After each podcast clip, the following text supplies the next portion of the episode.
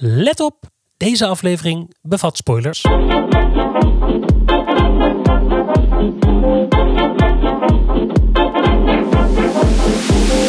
Ik vind hier iets van. De podcast met discussies zoals je die in de auto voert, Of in de trein, of op het terras, of in een bubbelbad. of overal dus. En het gaat over... Over. Over musical!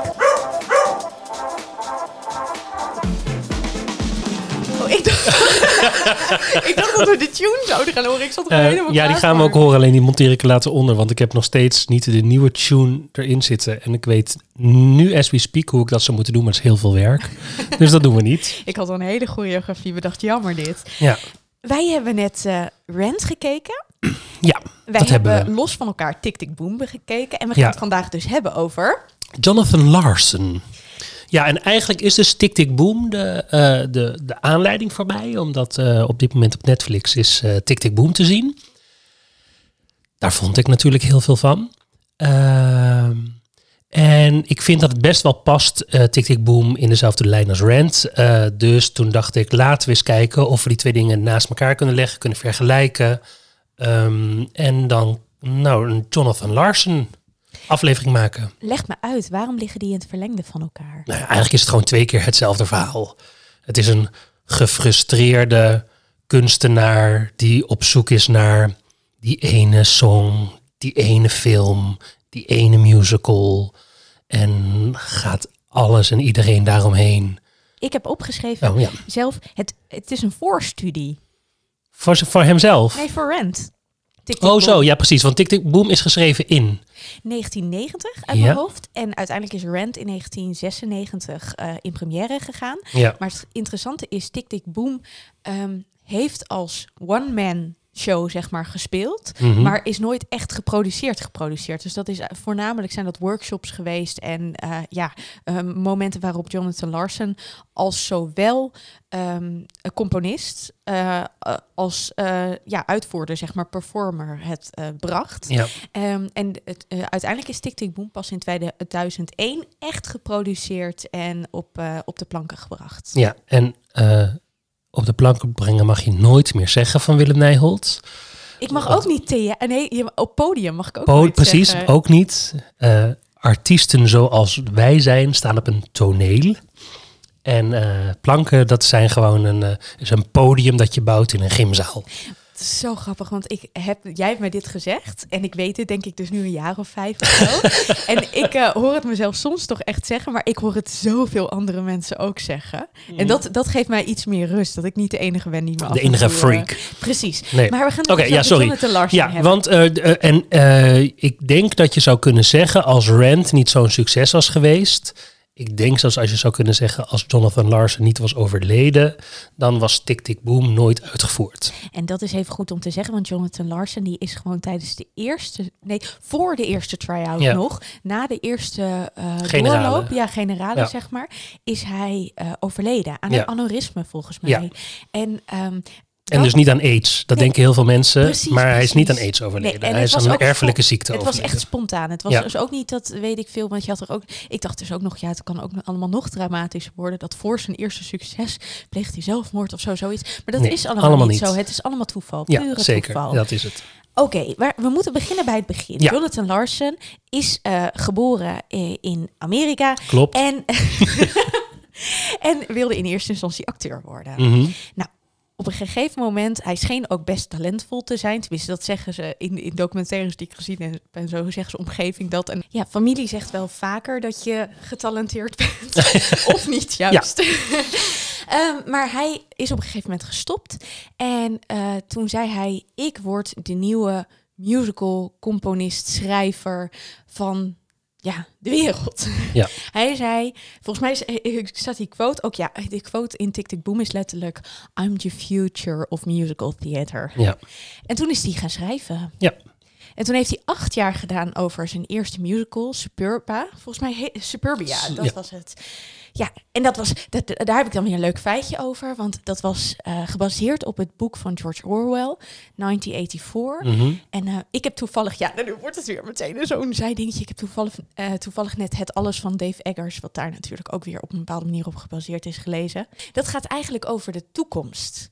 Hoe ga- ziet de toekomst eruit? En ehm, ik heb, toen ik George Or- Orwell las, dacht ik, ja, dat is eigenlijk wel een beetje voor een deel ook wat nu is. En dat is zo grappig, want als je dus nu bijvoorbeeld naar Superia, ik ken het stuk verder niet, zou kijken, dan zou je misschien ook denken, we zijn inmiddels bijna 30, ja, 30 jaar later. En het idee was, hij wil, eh, dat is eigenlijk zijn grote levenswerk, hij wil een musical maken die ook fijn in het gehoor ligt van mensen die niet zo van musical houden, die bijvoorbeeld meer eh ja, rockliefhebbers zijn. Ja. Dat is eigenlijk, eigenlijk zijn missie geweest. Ja.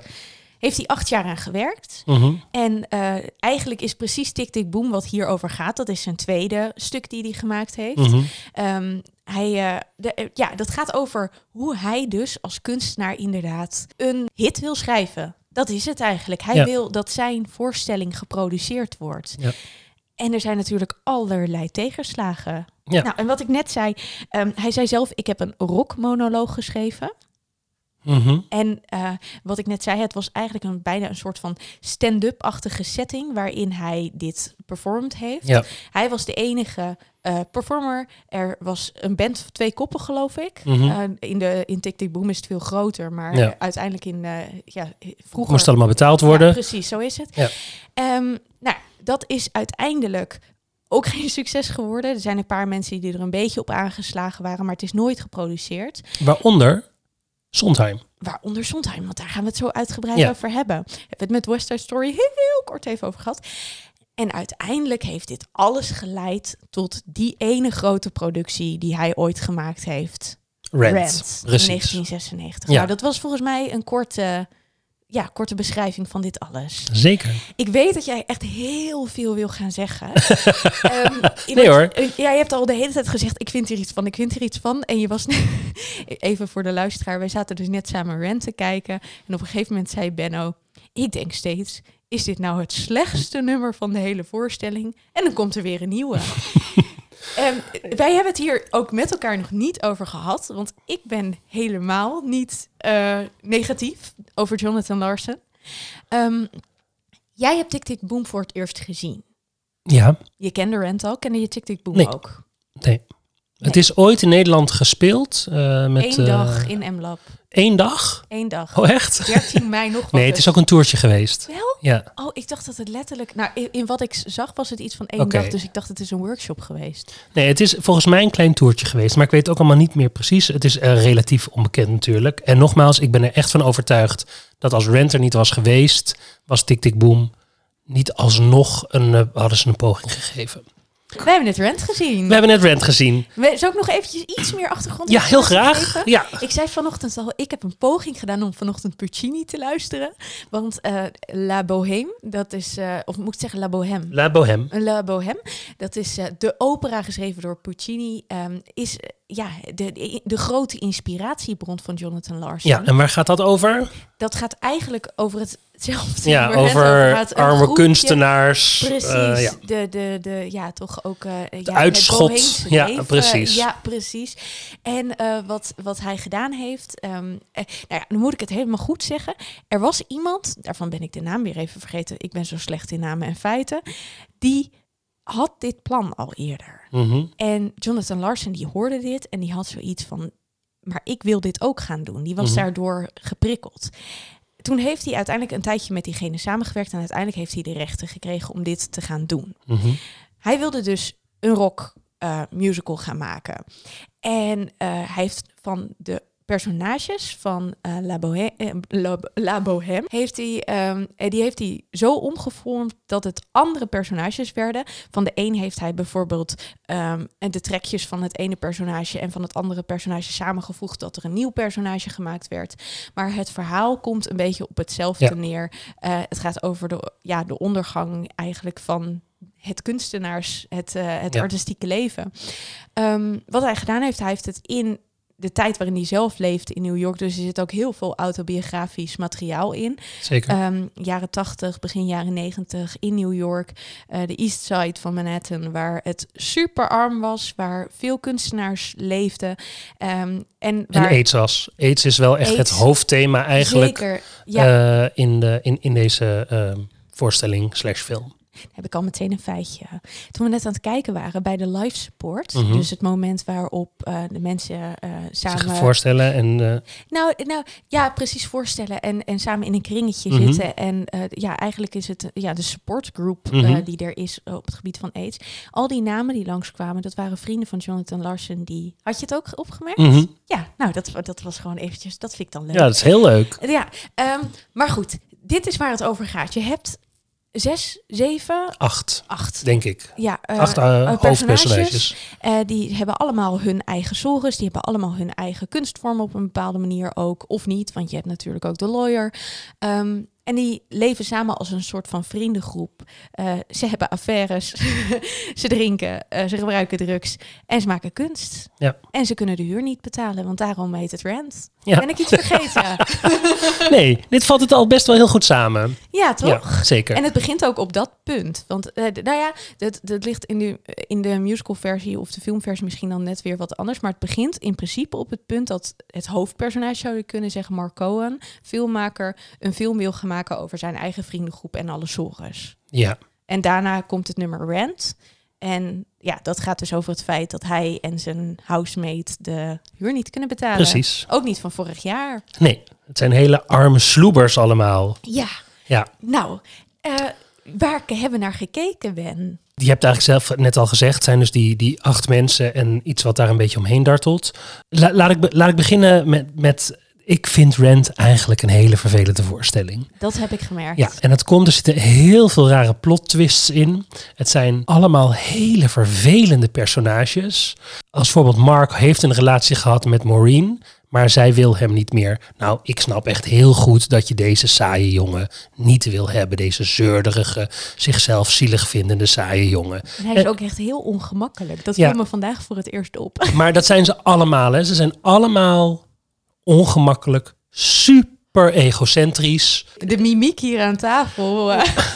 jullie zouden het dus moeten zien. Ik heb zeg maar een soort van eh, hoofd van, nou, is dat nou zo? En Benno zit me aan te kijken en die, die, die zit zo, nou, het is toch zo? Het is toch verschrikkelijk? Eh, hier kan ik meteen op ingaan, want ik vind dat dus niet. Ik vind wel, Mark, inderdaad, eh, vandaag viel me op hoe ontzettend ongemakkelijk was. Dat, die was, als je dan weer teruggaat naar de live support, dat hij zichzelf niet eens voorstelt en dat hij dan ineens uit het niet zo vraagt, mag ik jullie filmen zonder normaal met elkaar gesproken te hebben? Ehm, en dat hij dan, voordat hij het vraagt, zijn camera al, al zo ontzettend aanwezig is. Dan denk ik, dit is Nou, alles behalve zo tactisch. onaardig. En, maar goed, dat is, en daarom gaan wij dus nu de vergelijking met Tik Tik Boom eh, ook trekken. Want daar is het hoofdpersonage precies zo ongemakkelijk en precies zo onaardig. En daaruit zou je kunnen concluderen dat we gewoon bij Rent naar acht vormen van Jonathan Larson zitten te kijken. Wil je dat ik er meteen heftig in ga? Ja, kom er maar heftig in. Jij bent geen maker van de met een boheemse eh, invloed. Toch? Mhm, Dan mag mhm. ik toch wel zeggen, Zeker. jij bent niet zo van het kunstenaarsleven en het zwelgen. En als jij ergens Mhm. niet mee om kan gaan, is het, eh, of tenminste niet mee om kan gaan, maar als je iets vervelend vindt, dan is het wel zwelgen. En als het over kunst gaat, vind je het een beetje extra vervelend. Zegt dit niet gewoon alles over jou? Het zou heel goed kunnen. Ja. Maar ik denk dan, als je zo'n film, zo'n musical maakt en je wil daar die zwelgers in stoppen, which is fine, zorg dan in ieder geval dat er ook nog genoeg tegengekleurd wordt. Maar vind je Angel geen tegenkleur? Ja, Angel is zeker een tegenkleur. En op een bepaalde manier Collins ook. Nee, dat is ook een zwelger en een lapswans. Ja, maar die, dus op het moment dat die Angel eh, ontmoet, gaat het wel bij hun echt over liefde. Ik geloof dat echt, wat ik zie daar. Zeker. En ehm, daar, ik heb het idee dat op het moment dat Angel verschijnt, dat gebeurt ook op het moment. Ja, nu klinkt het echt heel spiritueel, alsof Angel echt letterlijk verschijnt. Maar ehm, op het moment dat wij dat Angel geïntroduceerd wordt, is Collins net in elkaar geslagen. Mhm. Nou ja, er is heel veel ellende daar. En Angel komt wel om de boel een beetje Nee, positiever. true. Helemaal waar, helemaal waar. Van alle personages is Angel in basis de positiefste. Daar staat tegenover dat Angel ook de enige moordenaar is. Want die heeft een hondje vermoord. Hebben we dat gezien? Nee, dat hebben we niet gezien. Dat zingt hij in Today ja, dat for is You. waar. Ja. En dat zien we later ook, dat er een rouwproces is in de familie van Benny. Want het hondje Evita Oh ja. Evita. Ja, dat is ook overleden. zo. Ja, ja. eh, En nu vind ik Angel ook niet leuk. ze hebben op zijn minst allemaal wat duisters. Ja. Eh, maar is dat erg? Nee, duister vind ik heel fijn. Ik hou van duister. En Ik vind dat ieder theatraal personage een, een geheim, iets duisters moet hebben. Daarin zwelgen daarentegen, dat vind ik er heel vervelend aan. En ik heb een, best wel een aantal versies van Rent gezien. En het is ook niemand gelukt om dat zwelgen tegen te kleuren. Dus blijkbaar zit het zo in die personages erin geramd dat, ja... Dit is wat ik doe. En het is ook, kijk, nou ga ik namelijk ook psy- psychologiseren. Als je luistert naar hoe ze op hun antwoordapparaat, hoe hun ouders zijn, dat zijn allemaal welgestelde witte personages in basis. Je kan ze wel met een andere kleur, kleur casten, maar dat is wel wat je er echt heel erg onder voelt. Van die welgestelde Amerikaanse families, daar komen deze kinderen uit. Die willen niks meer met hun ouders hebben. Die zetten zich af tegen hun ouders. En eh, gaan in armoede leven. Maar dat is niet in armoede leven zoals echte arme mensen in Amerika leven. Want zij willen alleen maar zwelgen. Dat is een beetje wat Jonathan Larson natuurlijk op een bepaalde manier zelf dat dat eh, Maar dat laat hij is dat. inderdaad Ja, precies. Ja. Natuurlijk ook heeft. Die, Ja. die eh, heeft letterlijk zonder licht en, eh, en verwarming gewoond. ja. Terwijl dat had in principe natuurlijk ook niet gehoeven. En hij had andere keuzes kunnen maken. En, daar, en wat er dus gebeurt, is dat constant dat kunstenaarschap zo verheven wordt en zo wordt. Dat is het enige haalbare. En dus alles wat maar naar commercie ruikt, dat is, dat is vies. Dus als je gaat werken voor een Bas Nieuws eh, in Rent en hoe heet dat bedrijf, dat reclamebureau waar hij voor gaat werken in Tik Tik Boom. Dat is dan echt de duivel. En ook al kan je dat dan heel goed, dat is de duivel. En je moet helemaal je hart volgen. Voor het laatste ben ik, hè. Ik geloof heel erg dat je je hart moet volgen. En dat je niet een baan moet volgen waar je niet gelukkig van wordt. Maar er zit natuurlijk wel echt een, een veel genuanceerdere middenweg dan... Nou, weet je waar ik heel erg over nagedacht heb tijdens de film? Kijk, ik hou ervan, maar ik denk dat ik iets meer van zwel ga houden. dan jij. dat weet ik wel zeker. Ehm, en eh, nou ja, ik ga zo ook nog wel uitleggen wat ik nog meer allemaal tof vind eraan. Maar wat, waar we naar keken in deze film, en we moesten er ook een paar keer een beetje samen om lachen, is dat het natuurlijk heel erg Hollywoodiseerd is. Ja. En waar we naar kijken is dat eigenlijk alles net te mooi is, eh, te romantisch voorgesteld is voor wat het zou moeten zijn. Je gelooft net niet helemaal dat deze mensen het echt koud hebben. Ondanks Precies. dat de wolkjes zeg maar uit hun mond komen eh, en de ijsbloemen op de ramen staan.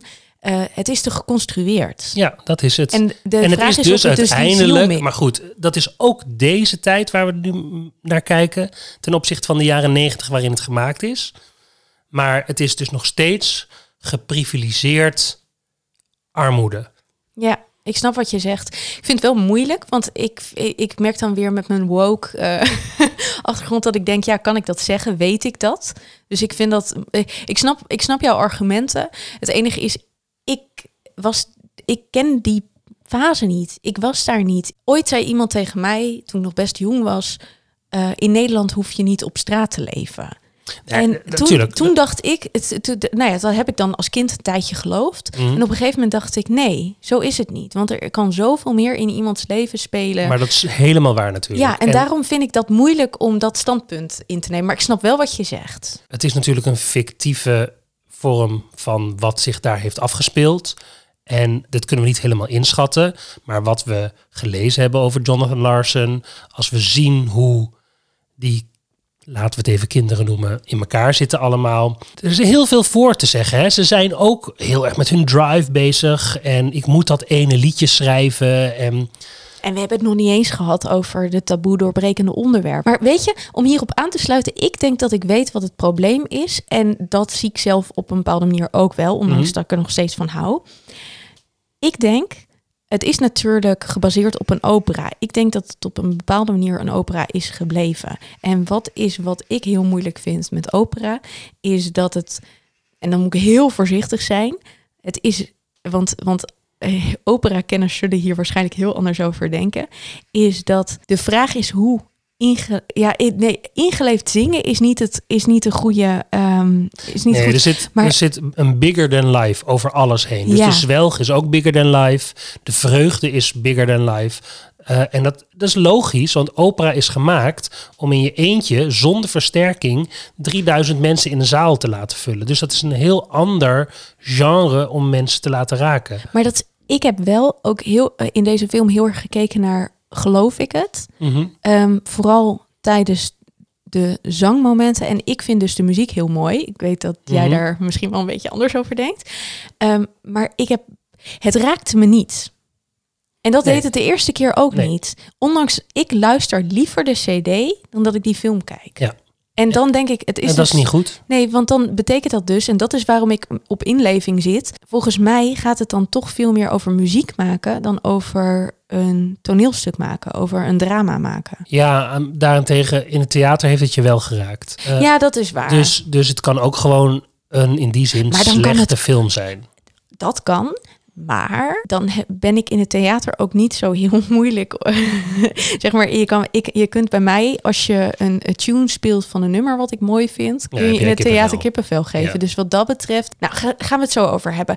Ehm, ik, ik vind nu wel dat we naar de muziek kunnen gaan, want er komt zo nog een stukje taboe. Mhm. Eh, maar we, zijn, we raken nu de muziek al een beetje aan.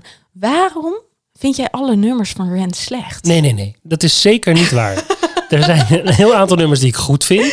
Ja, maar je zei Eh, net namelijk dat je dus iedere keer dacht... Iedere keer het dacht oh, dit nummer zit er ook nog in. Oh, dat nummer. Nou, het- mijn dieptepunt is wel die kaars. Dat gaat muzikaal sowieso helemaal nergens over. dat is slechts een verwijzing hè, naar de opera. Ja. Zeker, helemaal waar. Maar wederom, eh, ja, nou goed. Eh, Voegt het iets toe? Ja, het- het- en dat vind ik van heel veel liedjes niet. Eh, het is ook, heel veel liedjes ken ik ook vanwege eh, dat het heel vaak op audities wordt gezongen. Ja. Eh, dat is ook op een gegeven moment dat je denkt, ja, maar goed, dat heb ik met Les Miserables bijvoorbeeld ook. Dus, eh, Snap ik niks van.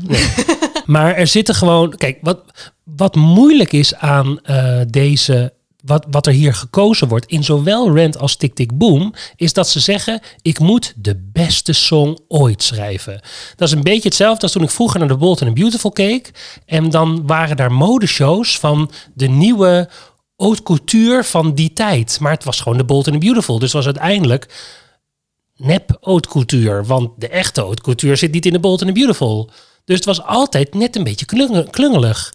En dat is hier ook. Het topnummer, wat het topnummer zou moeten zijn van, eh, van Roger... eh, waar hij zijn Your fucking Eyes. heel, heel jaar over gedaan heeft om dit te schrijven. Dat is eigenlijk een van de slechtste liedjes van, van de musical.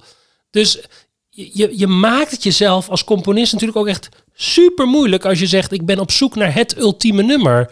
Want ja, zo werkt een ultiem, een ultiem nummer niet. En wat vindt hij het ultieme nummer zelf, Jonathan Larson? Dat is Sunday uit Sunday in the Park with George. Ja, precies. Maar daar hebben we het over Tik Tik Boom. En ja, dat, zit, dat zie je dan weer in Tik Tik Boom. En dan zie je ook, daar zit echt een, dat is ook wel echt goed gedaan. Een hele goede. Ik vond dat eh, wel heel erg... Het was, het was gewoon echt na aperij van Sondheim. Ja, dat is het. Het zijn gewoon drie noten zet je op een andere plaats. Ja. En dan heb je. Maar, maar dat klopt. Ja. Dus, Dus dan denk ik, ja, is dat dan zijn geest? Ja, dat heeft nee, hij dan leuk nee, gedaan. Het is, maar eh, dat is de ja, precies. Dus het, maar het zegt dus alles ook over. Je kan wel het. Maar je, je, je kan niet aan de voorkant gaan zeggen: Ik ga nu het ultieme nummer schrijven. Ik ga de ultieme film maken. Dat bestaat dus in basis Nou ja, helemaal en daar niet. zit je dan weer waar we het net met Cabaret ook over hadden, of net twee weken geleden met Cabaret, is dat ehm, het gaat over de plaatsing van eh, wanneer gebruik je muziek en wanneer gebruik je het niet. En nu krijgt dat een hele beladen plek, terwijl een heleboel nummers gewoon in het verhaal, eh, eh, zeg maar, eh, vanuit een personage gezongen worden. En dit is ehm, een act in een voorstelling. Ja, en nou goed, laten we het dan even over het nummer Your Eyes en de hele setting daaromheen hebben. Want dit, nou ja, Mimi, Mimi gaat dood. gaat Mimi wordt niet dood. binnengedragen, oh, want ze is stervende. Ja. Zij wordt op een tafel gelegd en, En er in, wordt nog even een dekentje over gelegd. in plaats van dat zij gaat sterven, zegt Roger tegen haar, oh je mag nog niet dood, want ik moet een liedje voor je zingen. dat Die is dus eigenlijk ook best egocentrisch. Super egocentrisch. Die vrouw moet dus nog twee minuten lang. ja, dag. Die moet twee minuten langer in leven blijven. Hij had het er echt moeilijk mee, Omdat, dat geloof ik wel. omdat hij dan dat lied voor haar moet gaan zingen. Vervolgens, let op, gaat zij dus dood. Waar gaat zij dood aan? En eh, nou, eh, nou ja, dat, dat Het is vaag. Want is het is vaag, een aids, dat klopt. En het kan tegelijkertijd zijn dat ze gewoon een cold heeft, zeg maar, omdat ze op straat Ja, geleefd nou, heeft. laten we, laten, in mijn verhaal is het leuker als ze doodgaat aan aids. Ja. Want haar, zijn lied geneest haar aids. Ja, maar zo, ik denk dus dat het meer bedoeld is. eh, Ze, ze heeft een cold. En Nou, ze- ja. ja. dat denk ik echt. Maar, En, maar we zijn niet klaar, hè? Ja, want ze- ze komt tot leven. Dat is al wauw. Ze komt een tot beetje leven. een Harry Potter moment. En wat doet Mark dan? In plaats van blij te zijn en met de vriendengroep te zijn, hij loopt naar zijn projector en zet zijn camera aan. Ja, dat was echt heel Nou, echt. Annemiek, dat kan toch niet? Ik bedoel, dit, hoe egoïstisch heel- zijn deze mensen? I know, maar het is zo anders bedoeld, Benny. Ja, ik denk doei. echt dat het door die cold komt. En eh, nou ja, ik had een Harry Potter momentje, maar Harry Potter is van hierna. Eh, dat, dat, dat, nou ja, zij had Angel gezien. Nou ja, Harry Potter ziet dan Perkamentus. En dan mogen ze kiezen of ze teruggaan. Zij zegt, hey vriendin, ga terug naar je Ja, maar liefje. Harry Potter is een sprookje. Ja, maar dat, het mooiste sprookje. Nou, nee. Maar ehm, goed, wat er dan dus gebeurt is, hij, ik denk dat Mark het aanzet onder het mom van we zijn weer samen. Snap je? Als een soort van. Terugblik, nee, zo van, volgens mij is het van, kijk eens hoe mooi we het gehad hebben Ja. en daar moeten we... Ja, maar de timing is natuurlijk Het was kut. ongemakkelijk. Ik moest zelf ook lachen toen Ja, we het het zagen. echt maar, heel erg. maar toch, weet je, ik denk echt dat het heel anders. Maar dat is de romantiek waar ik het net over Ja, had. nou, het ik is het steeds. nee, het, nee, ik snap En dan, het. maar, Maar, goed, even terug naar dat nummer. Dat niet zo goede nummer, waar hij de hele tijd... Hij zit dus om die Puccini, zit hij al de hele tijd een beetje heen te draaien. Ja. Want ik het je even laten horen. Dit is dus wat er gejat is. Ah, ta-da-da-da-da, ta-da-da-da-da. Ta-da-da-da-da. Nou, dat speelt hij dus heel dramatisch op zijn gitaar, terwijl zij dan zegt... eh, Mi, mi. en het is een leidmotief. Het komt vaker voor in de zeker, voorstelling. zeker. Dus ook weer knijterhard gejat. Ja. Sterker nog, hij geeft het ook toe, hè? Want in de voorstelling zit het ook gewoon dat, je, hij, dat hij dit stukje stilt. Maar daar, wil, daar kom ik straks nog even op terug. Dat want- lijkt me heel leuk, Ja. Ook echt met mijn vingertje zo. Eh, maar er zijn ook nummers die ik wel heel goed vind. Wat ik vind bijvoorbeeld vragen, je eh, My? Dignity eh, is, is het aller, vind ik het allermooiste nummer waar, Die kwam ook het meest bij mij binnen. waar alles zo door elkaar heen gaat drijven. En ook omdat het daar niet over de acht egoïstische mensen gaat, maar gewoon over het thema wat eronder ligt. En dat is de waardigheid van sterven. Wat als je aids hebt, in dit geval, hoe waardig kan je met opgeheven hoofd doodgaan? En dat, dat, dat, ja, dat vind ik echt heel mooi. Maar ik ga iets heel grappigs nu zeggen, want hier staat haaks op het nummer, op de graveyard, zeg maar, als Mhm. Angel net begraven is. Ja. Maar dat vind ik ook heel goed.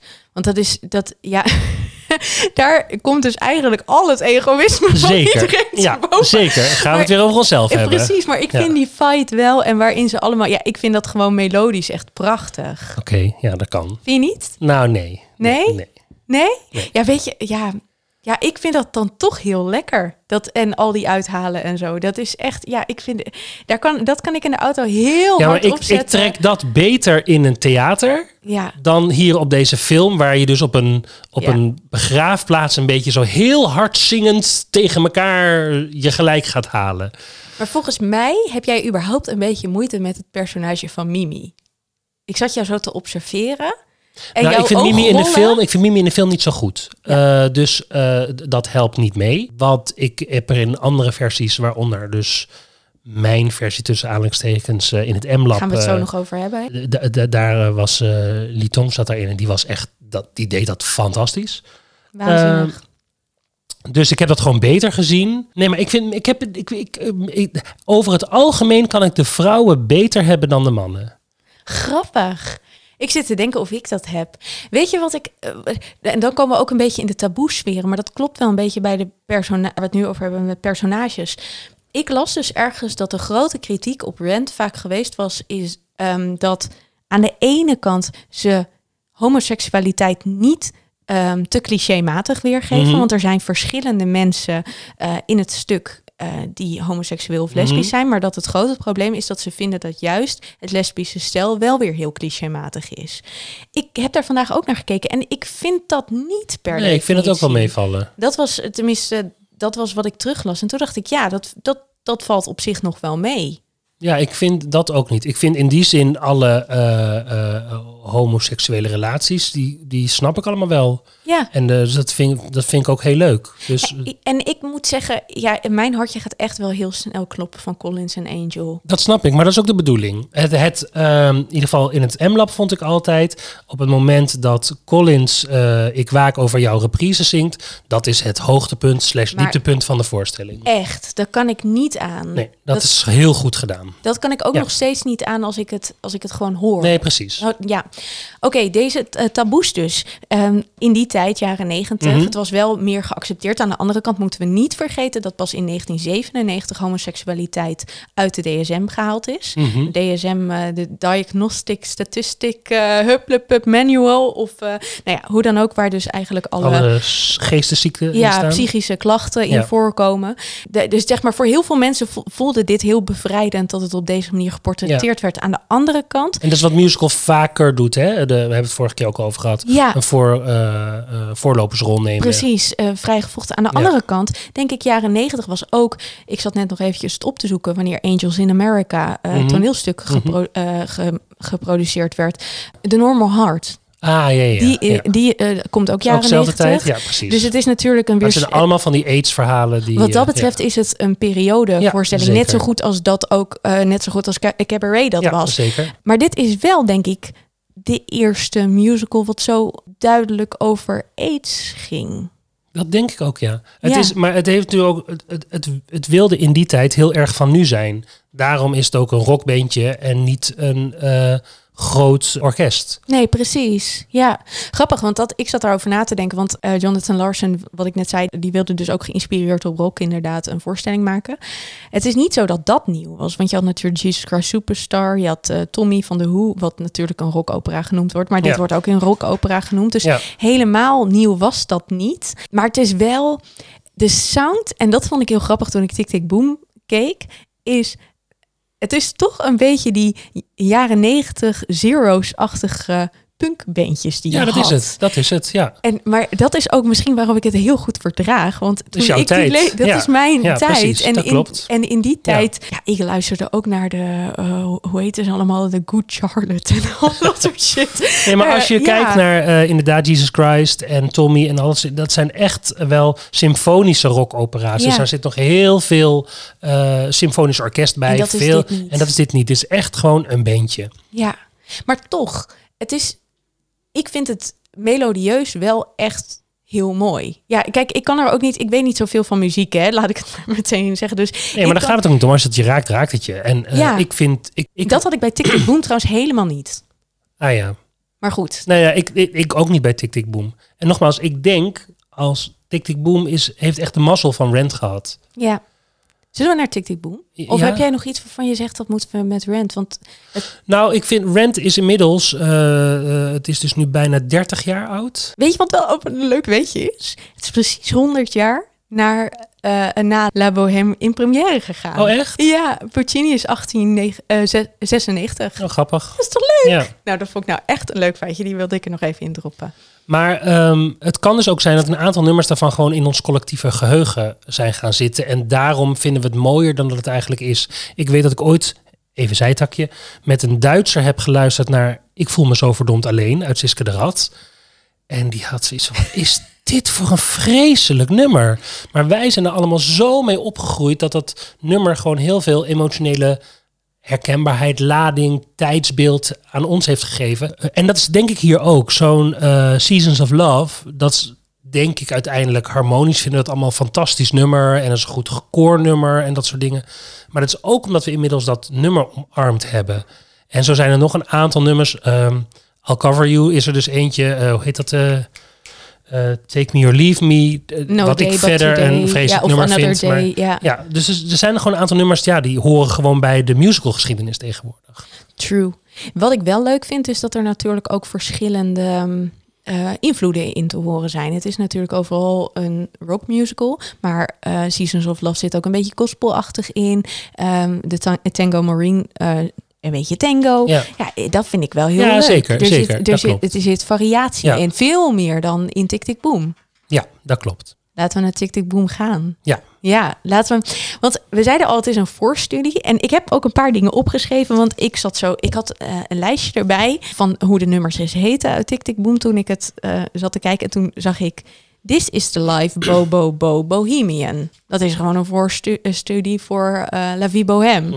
No More vond ik een voorstudie voor Rent. Is This Real Life? Een voorstudie voor Will I of de, de life support. Het is één op één voor een heel groot deel. Ja.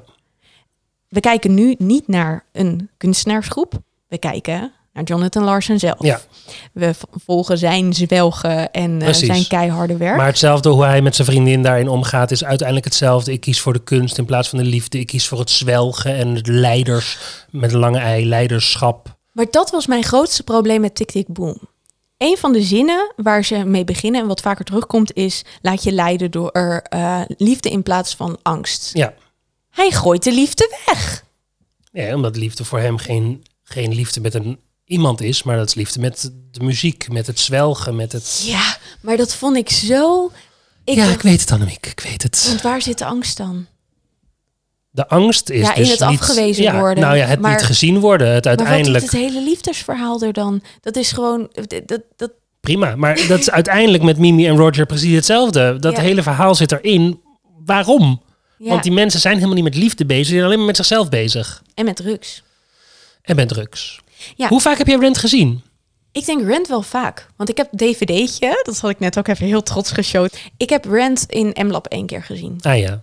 Ja. En ik ben een tijdje in het M-lab eh, dat- artistiek verantwoordelijk dat geweest. dus en in mijn leuk. tijd is dus deze voorstelling eh, eh, gedaan.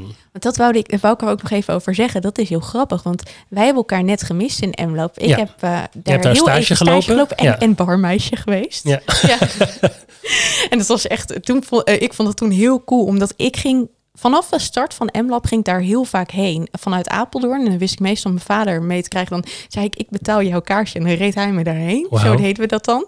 Ehm, dus ik heb ook echt, ik ging net mijn programmaboekjes bekijken. En toen, ik heb echt zo'n stapel met eh M-Lab programmaboekjes. M-Lab was het laboratorium voor musical theater. Mhm. Wat inmiddels eh, niet meer leeft. En toen ik daar achter de bar stond in eerste instantie. En later ben ik stage gaan lopen. Toen dacht ik, oh, ik werk hier.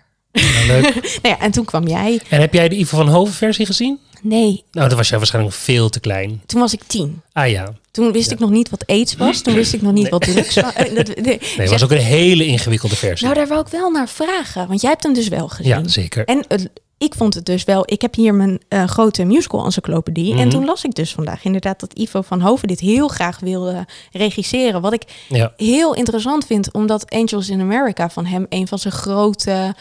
ehm, ja, een van de grote namen is die hij ooit gemaakt heeft. Ja. En dit is nog voor Angels in America dat hij dit gemaakt heeft. Ja, maar ik denk gewoon dat hij, maar dit is allemaal heel erg invulling, maar Ivo van Hoven is natuurlijk ook een jongen, een homo uit de jaren tachtig. Ik denk dat hij niet genoeg aidsvoorstellingen kan maken, zeg maar. Ja, ja, dit is natuurlijk, dit gaat ook over hem op een Ja, bepaalde precies. manier. Ja, er stond dat eh, eh, Van de Ende de recht al had. En Ja. dat eh, Van Hoven dus het heel graag wilde maken. En Ja. Van de Ende toegegaan is en gezegd heeft, Ja. mag ik dit doen? Ja. Vertel, je hebt het gezien. Nee, het was een hele rare voorstelling. Ik heb de eh generale gezien en er zaten een aantal mensen in die ik goed kende. Dus ik ben, ik ben echt een paar keer geweest. Maar er gebeurden ook echt rare dingen als eh, bijvoorbeeld Maureen, haar act. Er was de bedoeling dat zij een volgspot kreeg, maar die volgspot achter haar aanging. Dus zij stond nooit in het licht. En dat was dan om de krakkemikkigheid van haar act duidelijk te maken.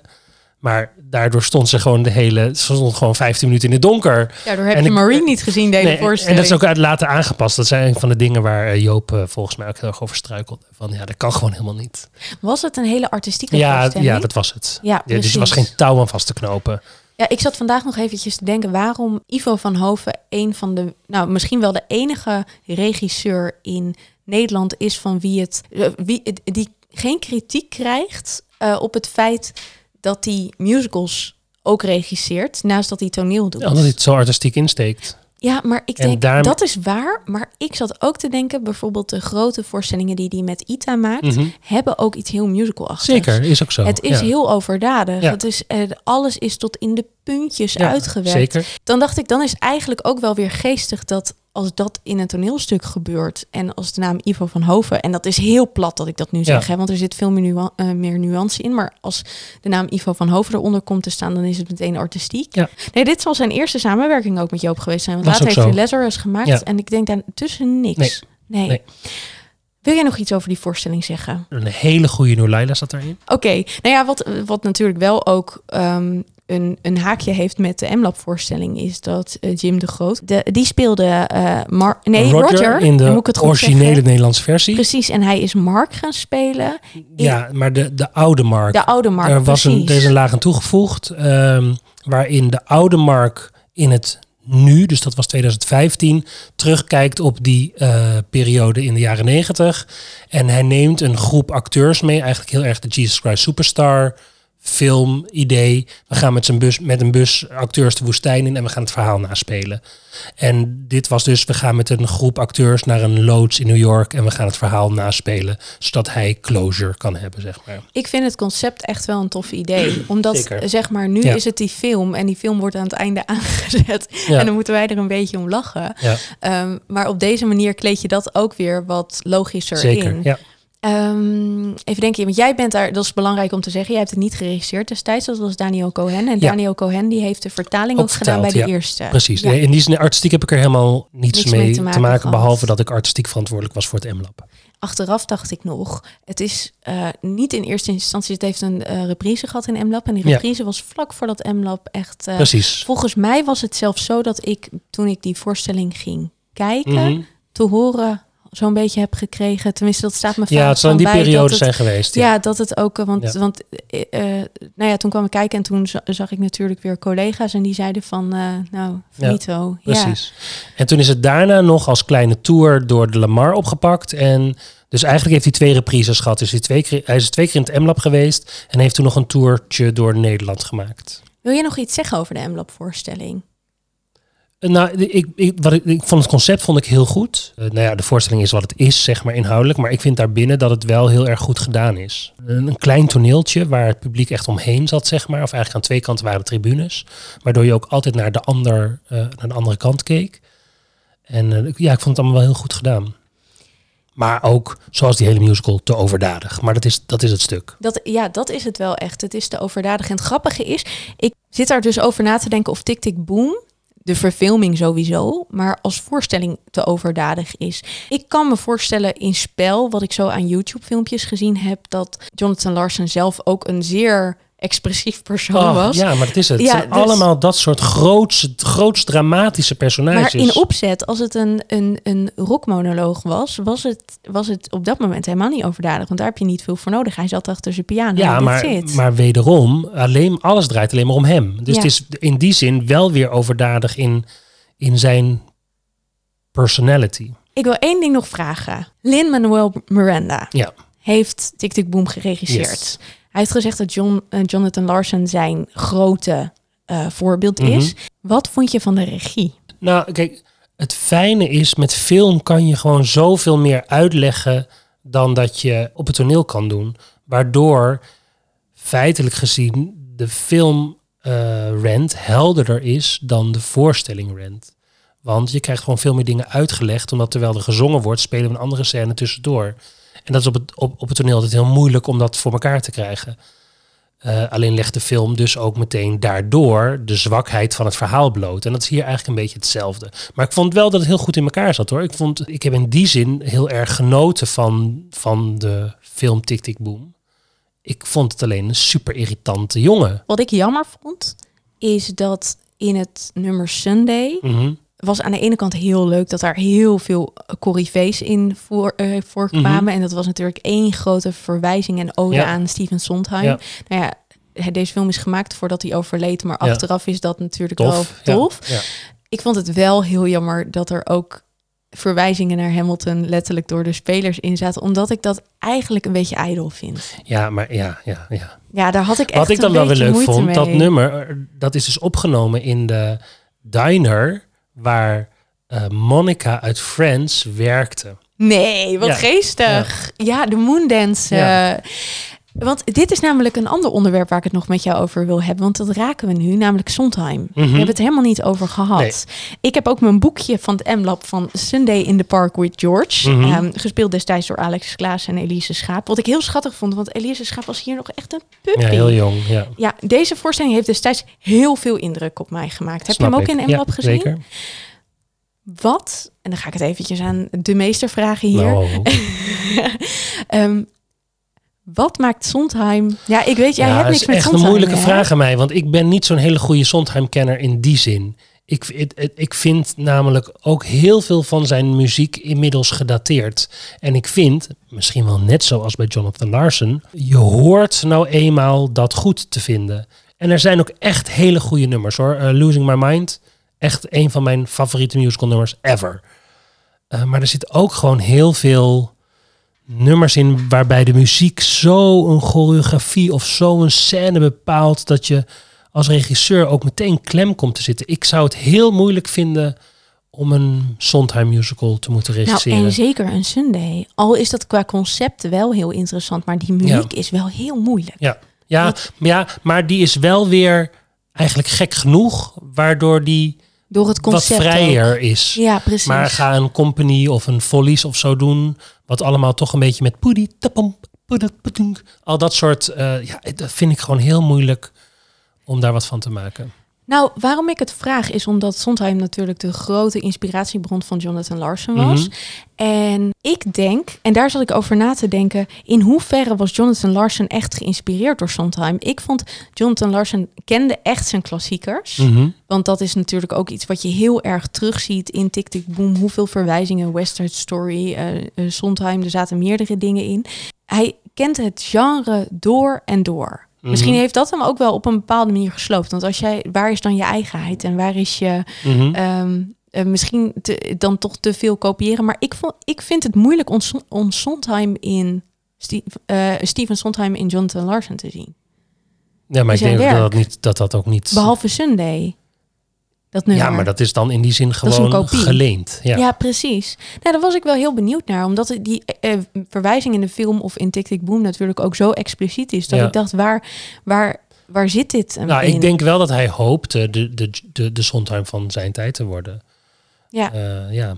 ja. En als hij meer had geschreven, was dat misschien ook wel gebeurd. daar kun je natuurlijk niks over zeggen. Nee, kijk, wat dat betreft is het jammer dat hij eh, zo snel is overleden. Want hij heeft nu twee keer hetzelfde verhaal gemaakt. Maar waarschijnlijk, als hij nog had geleefd, had hij niet toegestaan dat Tick Tick Boom was uitgebracht. Omdat Rent al gemaakt was. Ja, want dan komen we bij de grote vraag. Waarom is Rent beter dan Tick Tick Boom?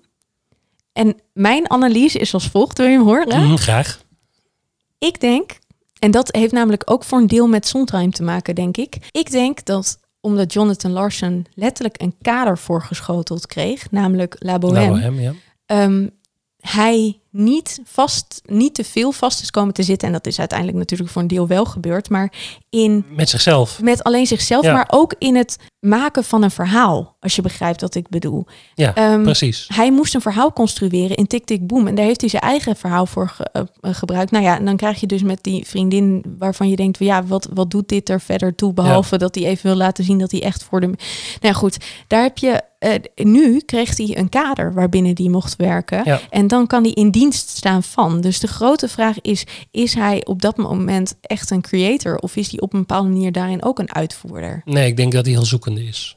Ja, hij was er nog niet. Nee, hij is er gewoon nog niet. En, nee, en, da- en dat is, daarom is het jammer dat hij is overleden. Want hij heeft die kans nooit gehad. Nee, en waarom ik zeg Sondheim is omdat... Heeft Sondheim naar mijn weten nooit iets echt autobiografisch gemaakt, of wel? Nee, dat denk ik niet. Nee, en dat is hier de grote struggle. Hij heeft het te Ja, veel bij zichzelf gehouden. Ja, maar Ja, het is altijd vervelend. Een New Brain is net zo'n vervelend stuk eigenlijk. Wat, wat ook wat weer gaat over een zwelgende, zwelgende componist die een moeilijke jeugd heeft met een moeder. En hou op met die eigen autobiografische zwelgverhalen. Maak gewoon mooie verhalen. Dat wil niet zeggen, want ik ga een beetje richting de afronding, dat ik vind dat je moet dit soort verhalen wel blijven kijken als musical lover. Eh, want je leert hier wel heel veel van. En er zullen heel veel mensen zijn die het een heel stuk mooier en beter vinden dan bijvoorbeeld dat ik Tik Tik Boom vind. En dat is goed. Want laten we Het is ook een eh, kennismaking. Net zoals dat precies. Rent, wat we net zeiden, dat Rent voor mij ook een op een bepaalde manier qua muziek natuurlijk ook een, eh, een periode ding is waarin ik juist ben opgegroeid. Dus dat dat Ja. mij daarmee ook meer pakt. Ja. Wat heeft Jonathan Larson bijgedragen aan de musicalwereld? Nou, Rent. En dus, ja, Ja, maar denk je, daar zit ik gewoon heel goed over na te denken. Zijn er eh, dingen die echt geïnspireerd zijn op Rent? Of de, mensen die. Ja, Lin Manuel Miranda zegt dat hij dat, dat Rent voor hem ook een inspiratiebron geweest ja, maar is. natuurlijk. Want het is, het is een nieuwe kijk naar musical. Net zoals dat er nu... Ik zag toevallig een filmpje van musicalmakers voorbij komen. Ook weer gezocht wordt naar nieuwe vormen van musical. En dat moet altijd. Je moet blijven doorontwikkelen. En daarnaast je klassiekers overeind blijven houden. Kunnen we het er dan over hebben dat het als wij eh, dat ons eindoordeel op een bepaalde manier natuurlijk subjectief is? Bij mij omdat het eh, ja, eh, de, omdat de muziek me op een bepaalde manier raakt. Bij jou omdat jij bepaalde dingen juist heel vervelend vindt. Maar dat het qua ontwikkeling binnen het, binnen het genre ook het feit dat er dat dit soort thema's aangekondigd eh aangekaart Zeker, worden zeker. wel onmisbaar is. Ja, want het zegt, het zegt over heel veel dingen wat. Het zegt namelijk wat over de tijd in bijvoorbeeld eh, dat AIDS zo'n grote rol speelde. Vooral in Amerika, maar uiteindelijk natuurlijk ook bijvoorbeeld in plekken als Amsterdam. Maar het zegt ook wat over de wat zwelgende jaren negentig, waar we met z'n allen in leefden. Waar een soort van uber-arrogantie zat. En ik wil niet weten wat er gemaakt wordt van deze jaren, want ik vind het nu nog Ja, bijna nou ja, erger. precies, dat wordt allemaal nog veel moeilijker. De rent van eh De rent van 20s. 2021. Niks ja. geen roaring twenties. Nee, zeker niet. Het is, eh, het is hem, hè? Het is hem. Het is hem. Het is heel fijn dat jullie weer geluisterd hebben naar deze lange aflevering. Ja, maar de- ik Er was veel te dat er vertellen. nog, nog meer te vertellen nou is. Maar wie wie, weet komt er ooit eh, een deel komt ooit een deel 2. bij deze, kijk vooral naar onze socials en laat ook weten wat jij van Rent of Tik Tik Boom vond. Ja, doe dat. En inspireer ons ook met ideeën waar we het over kunnen hebben. Dus dat kan ik je heb onze mailen. eerste inspiratie al binnen. Oh, dat zeg je nu hier Ja. zo. Oké, maar goed. Mail Annemiek at ik vind er iets van.nl. Eh, als je haar daar eh, op wil eh, attenderen. Eh, als je deze podcast hoort, eh, geef me even een recensietje of een aantal sterren. Dat en vinden we ook heel fijn. ook op onze Spotify-lijst. Want daar gaan we nu natuurlijk weer nummertjes uit Rent en Tik Tik zeker. Toevoegen. Ja, heel fijn. En gauw weer, jongens. Dan gaan we weer over musical praten. Want hier kunnen we eeuwig over blijven praten. Nou, en we ook heel veel van vinden. Zeker. Toch, Benny? Zeker. Tot de volgende.